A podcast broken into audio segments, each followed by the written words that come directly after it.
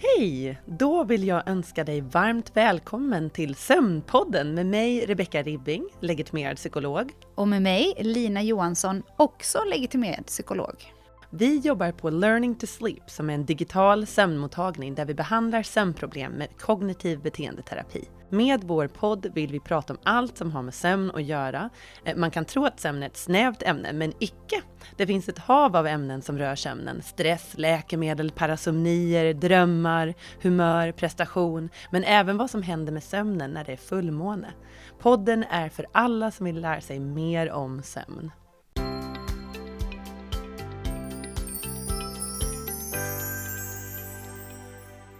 Hej Lina! Hej Rebecka! Kul att vara tillbaka. Det är alltid lika kul att vara här och spela in podd, tycker jag. Mm, det mm. håller jag med om. Och idag ska vi prata om ett väldigt viktigt problem. Eh, därmed då ungdomars och barns sömn. Ja, mm. absolut. Och vi har ju valt att lägga lite extra fokus vid det här ämnet med tanke på att det på senare tid har kommit ganska alarmerande siffror på andelen barn och unga som står på sömnläkemedel och mm. lugnande medel. Mm. Eh, och, och, där kom det ut siffror från Socialstyrelsen som visade på att förskrivningen av sömnläkemedel och eh, lugnande eh, läkemedel till unga har femdubblats de senaste Oj. tio åren. Mm. Och eh, man räknar med att så mycket som 25 procent av barn och ungdomar idag eh, uppskattas lida av sömnproblem. Mm. Eh, så att det här är ju ett jättestort bekymmer mm. och även en, en ganska sårbar grupp, tänker jag, mm. där det är, man sätter väldigt mycket viktiga vanor kanske för, för framtiden mm. och för kommande liksom, vuxenlivet, där man förväntas vara mer självständig och mm. vi, vi, vi kan potentiellt få väldigt stora problem med det här om vi har eh, unga människor idag som inte mm. tar hand om sin sömn och, och får den sömnen de behöver helt enkelt. Nej, nej exakt, mm. och, och forskningen har ju börjat intressera sig för varför det är så här med ungdomars sömn och varför den har blivit sämre. Mm. Och att den har försämrats de senaste 30 åren. Eh, och, och det, det, är just Borås högskola har ju varit på framkanten med någon ja. doktoravhandling där, där man studerar ungdomars sömn. Eh, och, och, för att må bra behöver ju unga sova då mellan 8 till 10 timmar eh, per natt. Det är ja. rekommendationen. Men enligt den här forskningen så tyder det på att över hälften av ungdomarna sov mindre än de här rekommenderade 8 till 10 timmarna. Eh, och, och då gick studien in på lite varför är det så? Vad behöver ungdomar för att kunna sova bättre? Och det är det jag tänker ja. vi ska djupdyka i idag. Vad är det som händer när ungdomar sover för lite? Varför sover de för lite? Och vad kan man göra för att hjälpa ungdomarna att sova bättre? Ja. Och, och, bara för att addera lite till det du nyss mm. berättade där Rebecka med, med forskningen från, från Borås, eh, så finns det också en studie från Karlstad universitet mm. som, eh, som var lite före den här eh, mm. avhandlingen eh, från Borås, men som också fokuserade på just sovbeteenden hos, eh, kan man väl säga, högstadieungdomar. Eh, och där kunde man ju se att sovvanorna har ändrats genomgående under mm. de senaste kan man säga 20 åren. Och där såg man att 1985 så var det ungefär 15 procent mm. av 15-åringarna som gick och la sig efter klockan 11 mm. på kvällen. Mm. Och om man då tittade 2013 2019 så kunde man se att ungefär hälften av 15-åringarna mm. gick och la sig efter klockan oh. 11. Mm. Eh, så att man har kunnat se att, så att säga, sovtiden har successivt mm. minskat mm. genom åren och det, det, ser vi också i stora liksom, populationsstudier ja. att mm. eh, vuxna personer också sover så att säga i genomsnitt mindre idag än hur det mm. såg ut förr. Men jag tycker ändå att det är är liksom spännande det här och eh, ser väldigt mycket fram emot i det här avsnittet att få djupdyka mm. lite i vad mm. det här kan bero på och mm. hur man mm. som eh, ungdom och även som förälder då kan stötta sin ungdom i att hitta bra mm. sömnvanor. Mm. Mm. Och jag tänker, för vi kan börja i den änden med varför sömn då är viktigt för barn och ungdomar. Varför behöver de sova precis som vi vuxna behöver? Eh, och jag tänker, du hade ju en sån spännande graf där man såg hur mycket spädbarn behöver sova och hur mycket, ja, alla åldrarna, det går ju ner och ner och ner ja. med sömnen då eh, under bebistiden neråt. Ja. ja, men jag tror att vi har varit inne på det här i tidigare poddar, att eh, sömnbehovet förändras ganska mycket över ett livslopp mm tidsperspektiv kan man Mm. väl säga. Mm. Så när vi föds och är spädbarn så behöver vi väldigt mycket sömn. Så man, man brukar kunna säga sådär att eh, tumregeln är att en, en, ett barn som är någonstans mellan 0 till 1 år behöver 15 till 18 timmars Mm. sömn per Oj, dygn. oj, oj. Och eh, när man sedan då blir lite större, 1 till 3 år, så brukar eh, motsvarande siffror ligga på 12 till 14 timmar Mm. per dygn. Eh, lite större barn i, i, i 3 till 6 års åldern behöver någonstans mellan 11 till 12 timmar per natt. I 6 till Mm. 12 års åldern behöver man någonstans mellan 10 till 11 timmar och sen då Mm. den här gruppen som vi ska fokusera lite extra på idag, som Mm. kanske då är högstadie och eh, delvis då gymnasieungdomar mellan Mm. 12 till 18 år. De behöver någonstans mellan 8 till 9 timmar eller Mm. 8 till 10 timmar ungefär. Mm. Eh, och då kan man ju konstatera baserat på de här siffrorna som vi ser nu och som rapporteras om att väldigt, väldigt många ungdomar snittar Mm. under de här 8 till 9 eller Mm. 8 till 10 timmarna som de faktiskt behöver och det är ett problem. Jo, Ja. jo. Och, och det, det som är viktigt med sömnen är ju egentligen samma som för oss alla andra. Eh, det är ju återhämtning. Eh, men, men under uppväxten och när vi blir vuxna så behövs det ju mer den här att det är så mycket som sker, så mycket utveckling Ja. både av hjärnan och kroppen och därför behöver man mer återhämtning och mer sömn Ja. för att klara av den här enorma utvecklingen som Mm. sker både av, av hjärnan och kroppen och, och måendet och det händer så mycket utveckling Ja. under den här perioden. Eh, så det är därför den är vital då för ungdomar och barn Mm. eh, med sömnen. Jag tänkte bara säga, jag brukar skoja till om det här med spädbarn, hur man ska komma ihåg hur många timmar de behöver. Precis lika mycket som en katt. De behöver också 15 till 18 timmar. är det så? Ja, Men du, din ja. katt där hemma då, skulle Ja. du säga att han, eh, har han bra sovvanor då? Följer han det här? Ja, eller? han sover nog mer. Alltså, han, det är det enda han gör och sover. Ja, men det kan ju också vara viktigt att nämna när vi pratar om det här och, och liksom sätter så här, eh, Mm. Mm. tidsangivelse på hur många timmar man ska sova i en viss ålder så kan det vara viktigt att nämna att som vi har sagt tidigare så Ja. är sömnbehovet extremt individuellt Jo, jo. och ehm, det Mm. finns de som klarar sig på mindre sömn och det Ja. finns de som behöver mer sömn. Men när vi pratar om barn och Mm. ungdomar som du var inne på tidigare så ska vi alltid ta hänsyn till det här att Mm. de Mm. är i en fas där det händer väldigt, väldigt, väldigt mycket, Mm. liksom både kognitivt och fysiskt Mm, i deras mm. utveckling. Och Mm. där är sömnen eh, avgörande Mm. Mm. eh, för, för att eh, utvecklas och må bra. Jo, jo, och det, det händer också, det blir ju fler risker med sömnbrist hos Ja. barn och unga och ungdomar då, eh, speciellt som vi ska prata om. Och eh, vad, vad, vad kan hända då, till exempel, om man får för sömnbrist under en längre tid för barn och ungdomar, eh, kan ju leda till många konsekvenser för dem. Ja. Eh, den ena är ju, det kan ju skapa problem i skolan, till Ja. exempel. Det, det är ju en klassisk att om de inte sover tillräckligt så blir det ju koncentrationssvårigheter, Mm. problem med minnet, eh, det kan påverka känslolivet negativt också med sömnbristen. Eh, Man Ja. kan få mood swings och, och det blir svårare att hantera sin vardag. Eh, Men det finns ju även de här fysiska effekterna, att, att det är ju väldigt stor eh, utveckling, fysisk utveckling under tonåren och, och barnens liv. Och det kan ju påverkas negativt då av sömnbrist. Eh, Men, men de har sett det att barn eller ungdomar som inte sover tillräckligt bra eh, och har då sömnbrist under längre tid kan få problem med förhöjt blodtryck eller eh, andra, ja, kolesterolnivåerna kan Ja. öka. Så det, det kan leda till långvariga konsekvenser om det här händer under en längre tid. Och, och även, de såg det i många studier att risktagande ökar Ja. bland ungdomar Mm. som har sömnbrist. Och det är inte överraskande egentligen. Många studier har funnit att tonåringar som inte får tillräckligt med sömn är mer benägna då att eh, engagera sig i risktagande beteenden eller högriskbeteenden som rattfylleri. där- ja.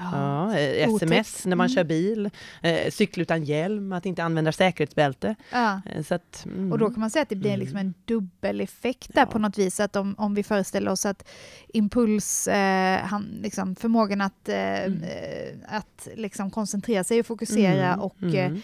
eh, vara mindre impulsstyrd, om den alla redan är lite så att säga påverkad av sömnbrist och vi all, från allra första början vet att tonåringar är i en period av sitt liv där de testar gränser, de Mm. har inte kanske fullt utvecklat konsekvenstänk, Nej. eh, så vet vi ju att liksom, sådana där situationer som att eh, eh, befinna sig i trafik eller Mm, liknande kan mm. vara oerhört riskfyllt då. Mm, mm, mm. Så att det, det är en, en ganska allvarlig konsekvens av sömnbrist för just ungdomar. Eh, men, men det var ju även det här med känslolivet och, och att man får eh, alltså egentligen en förhöjd risk att utveckla ångest Ja. och depression. Och det vet vi även Mm. för vuxna. Ja. Eh, så där, där eh, är ju en till sån farlig Ja. konsekvens av sömnbrist. Kan du minnas tillbaka hur du sov när du var tonåring? Ja, jag, jag, jag älskar ju att sova egentligen. Mm. Eh, Förutom att jag är precis som det här, eh, att, att biologin hos unga människor gör ju att klockan lite, sömnen förskjuts. Det är ju Ja. alla hormoner och sånt, så Ja. att det, de får en naturligt förskjuten dygnsrytm, så att det blir lite senare på natten som de blir trötta. Så man ska egentligen liksom inte vara allt för bekymrad om Nej. det är så att de, de är lite nattugglor Nej, och nej, vill nej, vara uppe nej. lite längre. Nej, det verkar som att det, det är ju Ja. något biologiskt där som gör Ja. att de eh, för, förskjuten dygnsrytm så att de går och lägger sig senare. Men det är ju det som är problemet med samhället, det är ju att skolan kräver att de ska gå upp Mm. tidigt. Det. Eh, och det är många eh, studier och skolor i USA har faktiskt börjat tänka på det och förskjutit eh, Ja. början, skolstarten då på dygnet. Och det har de sett positiva resultat med.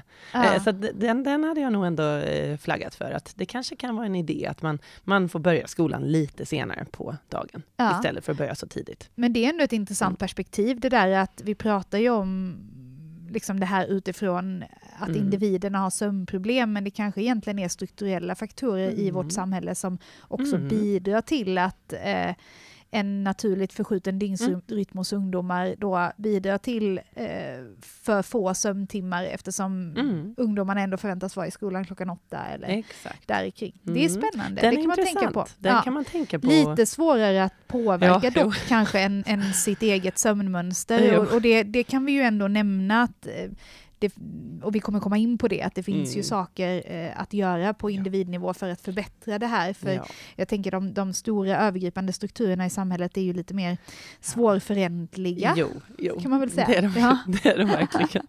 Men, kan du, men, men kan du minnas då att du häng- hängde liksom Mm. kvar länge på kvällarna när du var tonåring? Var det kämpigt att komma upp Ja. och iväg? Ja. men det har det alltid varit Ja. för mig, så det, det har hållit i sig Ja. hela mitt liv. Att nattmänniska eller kvällsmänniska Mm. då och sen så gå upp tidigt, det har aldrig riktigt fallit mig i smaken. Nej. Eh, Det gör det än idag inte. Som vi vet har vi pratat om det Ja. i ett annat avsnitt, om det här med dubbellivet, de som har social jetlag. Eh, Så att för de som är intresserade finns det ett avsnitt om det också. Ja. Eh, Men det har hängt kvar, den här tonårs... Ja, vad ska man säga, rutinerna som jag hade Ja. då, att vara uppe sent och sen vakna tidigt för jobb eller skola, som det var då. Jag älskar ju också att sova, är inte en kvällsmänniska eh, och har egentligen aldrig varit, även om jag var uppe betydligt senare på kvällen eh, när jag var tonåring än vad jag är idag, så Mm. vill jag nog ändå minnas att jag eh, tyckte att det var viktigt att få komma i säng och sova ordentligt. Jag tror att jag, jag har alltid eh, upplevt sömnbrist väldigt, väldigt påtagligt och Mm. kunnat koppla det till dålig sömn, alltså tidigt i mitt liv sådär att usch fy vad dåligt jag mår och eh, vad dåligt jag fungerar idag Mm. och, och kunnat Mm. liksom koppla det till att jag sovit dåligt Mm. natten Mm. dessförinnan. Så att jag tror att för mig personligen så landade det nog ganska tidigt Mm. eh, hur, hur viktig sömnen är och har väl också bidragit till att jag har prioriterat det. Jag kan Mm. komma ihåg, då var jag visserligen lite äldre, men när jag studerade på universitet och var kanske där runt 22, Mm. 23, Mm. så var det ju väldigt populärt bland eh, mina eh, kursare att eh,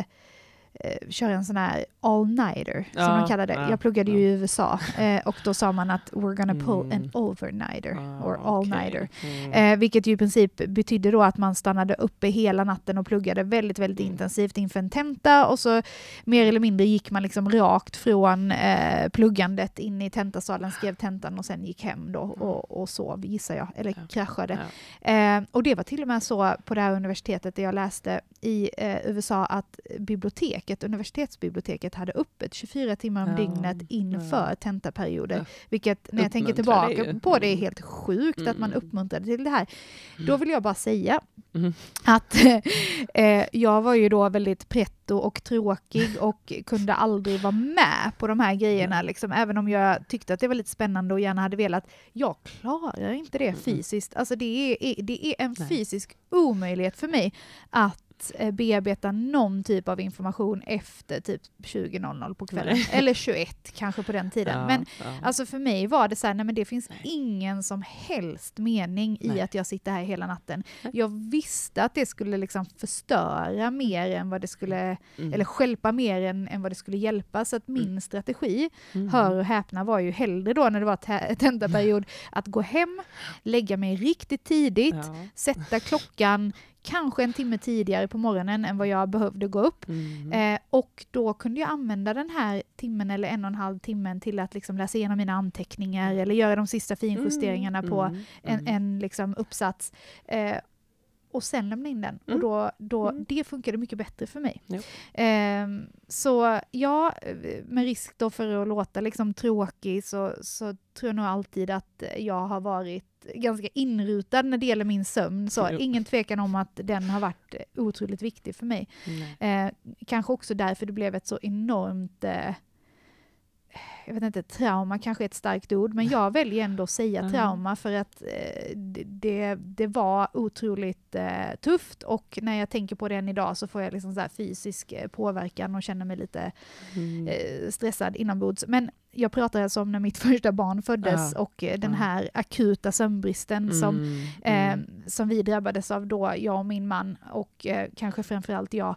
Ehm, och det har jag ju berättat om flera gånger i den här podden, Mm. hur det påverkade Mm. mig. Men eh, eh, det, det var en tuff upplevelse Mm. och, och Mm. eh, Mm. som sagt, det, det blev ännu tydligare för mig hur beroende jag är av min sömn. Nej, men det, är, det är spännande det här med sömnen och speciellt hur den utvecklas under tonåren och unga och barns år. Eh, vad som händer, eh, det här med biologin, att den spelar en stor roll, men även då vad, vad mer kan det vara som händer under tonårstiden som gör att den här gruppen inte får tillräckligt med sömn.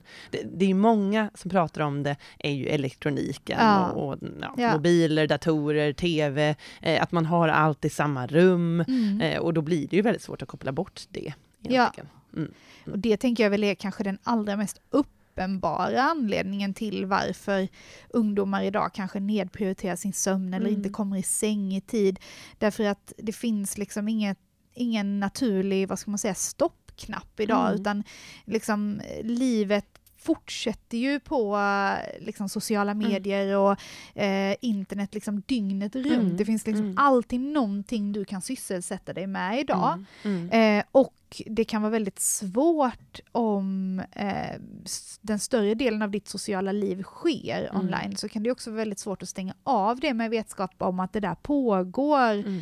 Eh, även när jag inte är uppkopplad, att det blir en sån här ja, men liksom klassisk fear of missing out. Jo, att man, man, vill, man vill liksom inte gå miste om någonting som händer. Det kan ju vara så att man kommer till skolan nästa dag och så har det hänt någonting som alla Mm. pratar om och så har du Mm. missat det. Mm. Ehm, så, och, och den känslan kan jag känna igen från när jag var tonåring, även om vi inte hade eh, smartphones och sociala medier då. Men eh, jag kan komma ihåg känslan av att inte ha varit med på någon fest eller inte varit medbjuden hem till någon.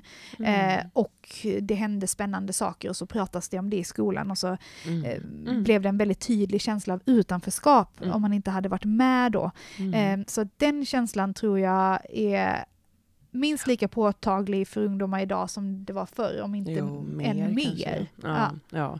Jo, det, det var ju en av de eh, faktorerna som de nämnde, de här ungdomarna i eh, Borås högskola, den Ja. studien som gjordes. Det var eh, när de själva fick säga vad de trodde det berodde på, de här sömnproblemen, så var det just eh, mycket IT-mediaanvändning, men även höga krav, stress i skolan. Mm. Eh, så att det, det är ju de delarna, tyckte de var eh, det som orsakade den här dåliga sömnen. Ja. Så, att, så att media och IT och elektroniken i sovrummen, det påverkar ju såklart. Och det vet vi ju utifrån det vi har pratat ja. om så många gånger, det här med det elektriska ljuset. Vi är ju inte anpassade eh, för att leva i så mycket ljus som vi gör nu. Nej. Det är ju 150 år sedan som det började med elektriska ljuset. Eh, så att det är vi ju inte egentligen evolutionärt anpassade till, Nej. att leva så mycket som vi gör i det. Nej, det stör ju vår mm. dygnsrytm med, mm. med mm. att allt för mycket mm. eh, mm. artificiellt ljus. Exakt, ja. exakt. Och sen så var det det här, eh, det man också kan tänka på som, som de pratade om i den här studien, men, men andra också har gjort, det är det här eh, fullspäckade scheman som ungdomar ja. har. Därför det är nu man jobbar, men sen väljer man ju själv lite vad man vill göra ja. eh, som vuxen. Men under, under tonårstiden så blir det ju att det är sporter, det mm. är extracurricular activities, det är andra saker man ska göra för att kanske få ner på ett litet CV, för att tänka på på högskolan sen och söka dit och extra kurser. Så det, det är mycket andra kravmoment som de har ja. eh, i den tiden, som också kan påverka såklart. Ja, mm. ja men absolut. Och, och, och, jag tänker att valmöjligheterna som finns för ungdomar idag är ju enorma. Jag tänker att på den mm. tiden när jag växte upp och, och gick högstadiet så handlade det ju om vilket program man skulle välja på den mm. gymnasieskolan mm. som fanns i den kommunen där jag bodde. Det handlade liksom inte om att hela världen är öppen mm. för dig som, mm. som det är idag, att du kan liksom gå gymnasiet i princip i vilken stad du vill och det finns en massa olika spännande inriktningar och, eh, och sådär. Och, och, och, det var ju inte så att jag översköljdes av broschyrer från eh, diverse olika eh, skolor som tyckte att jag skulle söka till dem, mm. utan det, det, det, var på sin höjd sådär, ska jag välja samhäll, samhäll eller samhällsekonomi ja. eller, ja men nu, nu, nu raljerar jag lite men, men ni förstår vad jag menar, mm. att det var liksom mm. inte det var inte så komplexa val och det finns ju också forskning på det, Rebecka, tänker mm. jag utifrån ett socialpsykologiskt perspektiv. Det där att för mycket valfrihet ja. är inte alltid bra för vårt mående. Nej. Alltså vi, vi, eh, vi människor eh, behöver inte en uppsjö av val. Nej, nej, nej. nej exakt. Exakt, det vet jag ju själv hur det kunde vara. Att bara sitta där. Jag, blir ju, jag är fortfarande väldigt velig som person. Om jag har för mycket att välja på, då är det nästan omöjligt. Och då vill jag ha alltihop och det är väldigt svårt. Ja. Det, det, är samma som någon frågar mig, vill du dricka kaffe eller te? Mm. Så tar jag båda två. Därför det, ja. det är liksom sån jag är. Så att, ja. när det gällde skoluppgifter och sånt, eller vilket universitet, ja. jag bara, åh jag vet inte, jag måste välja allihop. Och sen får jag ju se då vilken jag kommer in på. Och om jag kommer in på alla, vad ska man göra då? Så det, det, är ju många frågor, stora frågor man bemöts med under den här perioden, som väcker mycket stress. Ja. Eh, det, det, kan jag själv relatera till. Ja. Låg eh, vaken och tänkte på vad skulle sitt liv ta vägen och ja, vad skulle man bli? Jag kan fortfarande tänka så, vad ska jag bli när jag blir stor? Ja. Men Lina, vad finns det för tips då eh, till hur ungdomar kan hantera FOMO, fear of missing out? Finns det något man kan göra? Ja, nej men jag tycker ju att det bästa man kan göra för att träna sig på något sätt i att stå ut med det obehaget som kan dyka upp när man får en känsla av att nu blir jag lämnad utanför eller jag har inte koll på vad som händer och sådär. Mm. Så, så är det ju faktiskt så att vi, vi blir ju bättre bättre på att hantera den typen av upplevelser om vi faktiskt i liten grad utsätter oss för det stegvis. Det är ju det vi inom psykologisk behandling kallar för exponering. Mm. Mm. Att eh, vi kan gradvis då prova att möta sånt som känns obehagligt mm. för att bygga upp eh, vad ska man säga, ett, ett slags motstånd mm. eller ett sätt att liksom härbärgera det här obehaget som vissa situationer väcker hos oss. Och eh, och jag tänker att som, som ungdom idag så är det ju en, en, liksom en konst, ett konstant informationsflöde och det händer väldigt mycket hela tiden och det går otroligt mm. snabbt. Mm. Så att du kommer missa saker eh, är ju, det, det, det, liksom, det, kommer ske förr eller senare, det är ingenting som går att undvika. Och då skulle jag säga att det bästa man kan göra är att försöka liksom göra ett litet beteendeexperiment och sådär mm. medvetet försöka utsätta sig för, eh, för FOMO fast i tillräckligt liten skala att det ändå känns hanterbart. Mm. Och det kan vara kanske att eh, stänga av mobilen 15 minuter tidigare än Mm. vad man är van vid eller eh, inte kolla sina sms på 15 minuter under dagen. Att man bestämmer sig för att just den här tiden på dagen ska jag träna mig på att Mm. Inte plocka fram telefonen på 15 minuter. Och det kan också vara ganska intressant för då blir det väldigt påtagligt hur mycket eller lite beroende man är av sin telefon. Kommer det kännas väldigt, väldigt jobbigt att medvetet inte titta Mhm. på den under 15 minuter? Kommer det kännas som att "Ja, men det här var ingenting? Det är ju ett experiment i sig. Mm. Eh, och sen kan man liksom utvidga det där. Okej, men jag klarade 15 minuter och det fick inga katastrofala följder. Eh, jag kanske kan testa 30. Mm. Eh, jag kanske kan förlägga den här tiden, mobilfria tiden till kvällen Mm. och göra någonting annat som hjälper mig mer att komma ner i varv. Mm. Så det skulle jag säga är en bra strategi för eh, ungdomar som någonstans ändå kanske har förstått att det här är ett bekymmer och man kanske vill göra en förändring. Eh, Mm. Om det är så att man är förälder till en ungdom som använder sig väldigt mycket av sociala medier och som uttrycker liksom en rädsla för, för att missa saker och, och där det har fått en påverkan på sömnen så tycker jag alltid att man som förälder ska försöka ha ingången i att eh, det finns en igenkänning där. För att Mm. jag tror att fokuserar vi för mycket på tekniken och att den är fienden så kommer vi inte nå fram utan se om du kan hitta någonting i din personliga erfarenhet som kan knyta an till det ungdomen upplever. Som, som jag nämnde tidigare, att jag Mm, kan komma ihåg mm. den här känslan av att komma till skolan och alla hade varit på någon fest som inte Ja. jag hade varit på och jag Ja. hade missat grejer. Att, men liksom beskriv din egen upplevelse i Mm, den typen mm. av situation och se om du, kan, du och din ungdom kan knyta an till en gemensam upplevelse och Mm. ta det därifrån. Mm. Istället för att eh, vara allt för hård och sätta upp eh, regler kring mobilanvändande från början. För jag tror att vi måste först hitta den här gemensamma ytan och Mm. förstå varandra.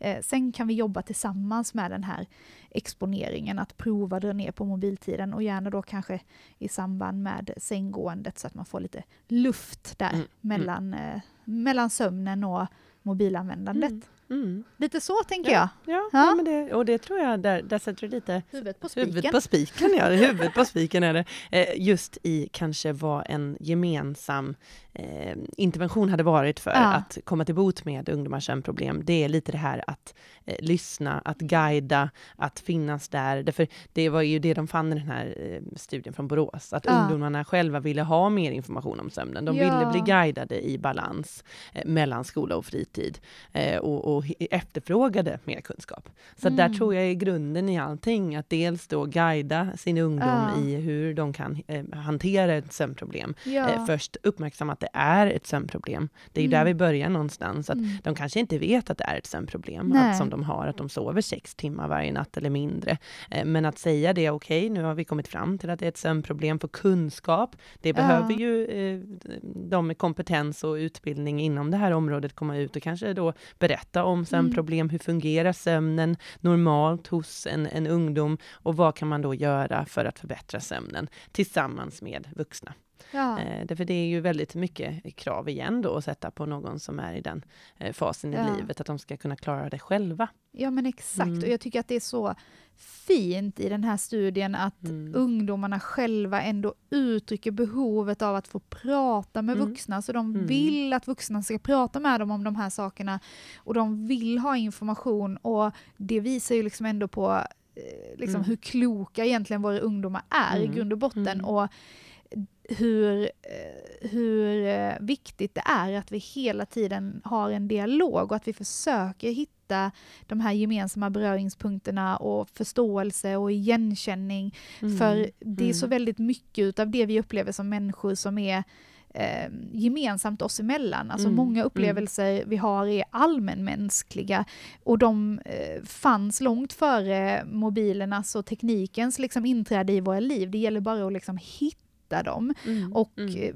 ta liksom samtalet utifrån det, tänker jag. Sen ska vi inte heller glömma att väldigt många föräldrar idag, Mm. eh, om vi nu liksom växlar lite fokus Ja. från ungdomar till Ja. föräldrar, så kan man säga att väldigt många föräldrar idag är också fullt upptagna Mm. av sina Mm. mobiler och är ständigt uppkopplade och sitter och svarar på jobbmail kanske på kvällen. Mm. Och jag tänker att det har också skett en enorm förändring i de, i, i, i de vuxnas sätt att förhålla sig till arbete till Jo, exempel. Med jo. de här, man har suddat ut gränserna lite mellan vad som är jobb och Ja. fritid.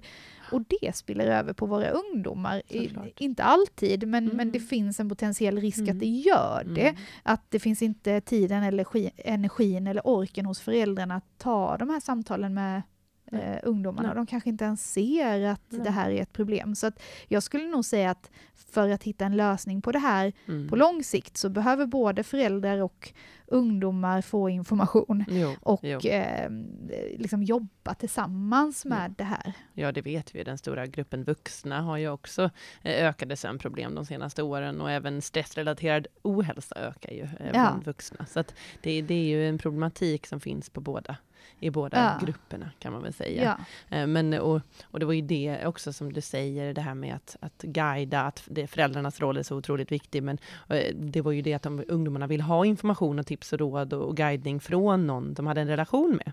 Eh, Ja. Så, att, så där har vi det egentligen, Mm. att föräldrarna måste också få information, de måste bli hjälpta för att sen kunna hjälpa Ja men eh, exakt. ungdomar. Och jag tycker ju det, det, det finns ju ett gammalt uttryck och det kanske är lite slitet men jag tycker ändå att det är så eh, bra. Och det är ju det där att liksom barn gör inte som vi säger, de Mm. gör som vi gör. Ja, Alltså vi mm, måste vara mm. beteendemässiga modeller för våra barn. Det Mm. spelar ingen roll, det som jag brukar säga, att det spelar liksom ingen roll om du sitter runt matbordet och pratar om vikten av att vara en bra medmänniska och predika liksom moral Mm. och etik. Om dina barn sen ser dig skälla ut någon i mataffären för Mm. att de går före i kön, eller vad det nu, än, nu Ja. må vara. Ja. Eh, vi måste liksom föregå med gott exempel i Mm. handling. Mm. Ehm, och där tänker jag ju att om du som förälder inte har sunda sömnvanor och sitter Nej. uppe sent på kvällen och eh, scrollar mobilen eller ehm, liksom, jobbar på datorn, ja, men då är det ju det som ungdomen också kommer Mm. eh, modellera eller ta Mm. efter. Så att, Mm. mm, det finns Mm. mycket där skulle jag vilja säga Mm. också att jobba med. Ja, ja, och det här med fasta sovtider, det kan man göra som en familjeevenemang, att man eh, tillämpar fasta sovtider för hela familjen, även Ja, på helgerna. Ja, Jag vet att den är nog tuff, men eh, om man känner ja. att familjen har problem med sömnen så är fasta sovtider. Ja, faktiskt, eh, när vi, när vi nu pratar om det så kan jag faktiskt minnas ett par eh, patienter som jag har haft genom åren där jag har jobbat med deras sömn som eh, som liksom har varit så här, de bara, men om det här ska funka för mig, då måste hela familjen vara med på det. Mm. Eh, Mm. och då lyckats få med sig eh, familjen Ja, på det här ja. experimentet med, med fasta sovtider Mm. och liksom att verkligen ta ett omtag om, om eh, sömnrutiner och sådär. Mm. Och där det har fått en positiv inverkan Mm. på hela familjen Mm. och där, där ehm, ja, men den här mobilfria tiden på kvällen har ägnats åt att faktiskt göra någonting som en familj. Mm. Snarare än att alla då sitter individuellt på sina eh, liksom, Mm. devices, Mm. må det vara telefon, padda eller vad det nu än är. Ja. Ehm, så eh, ja, absolut. Ja, ja. Spännande. Och kanske även göra rummen då, allas rum till mobilfria zoner. Den kommer vara väldigt svår att Ja. genomföra. Men Ja. det, det beror på om det är stora problem så måste man ta till drastiska åtgärder. Exakt. Mm. Ja, Lina. Det här var ett Mm. spännande avsnitt. Väldigt viktigt att ta upp. Ja. Och vi kommer säkert återkomma till unga sömn. Det, det känns som en, en stor kunskapslucka. Saknas det kanske om sömnsvårigheter hos unga? Ja, Mm, absolut. mm. Jag tycker att vi har haft en jättespännande diskussion Mm. idag. Mm. Eh, faktiskt både utifrån ungdomarnas eget perspektiv men också vad man eh, kan göra som förälder och vad Mm. man bör tänka på. Så mm, Mm. spännande grejer. Mm. Och vi kommer ju även länka till den här studien om ungas sömnsvårigheter i avsnittsbeskrivningen för de som är Ja. intresserade att eh, läsa mer om den. Ja. Mm. ja, men där finns mycket bra insikter tycker jag från Mm. den här studien. Mm. Så har man tid och lust så tycker jag absolut att eh, det är värt att läsa in sig på den. Ja, Mm. ja. Men eh, då får jag tacka för mig idag. Tack Rebecka, ha det bra. hej hej! Ciao ciao!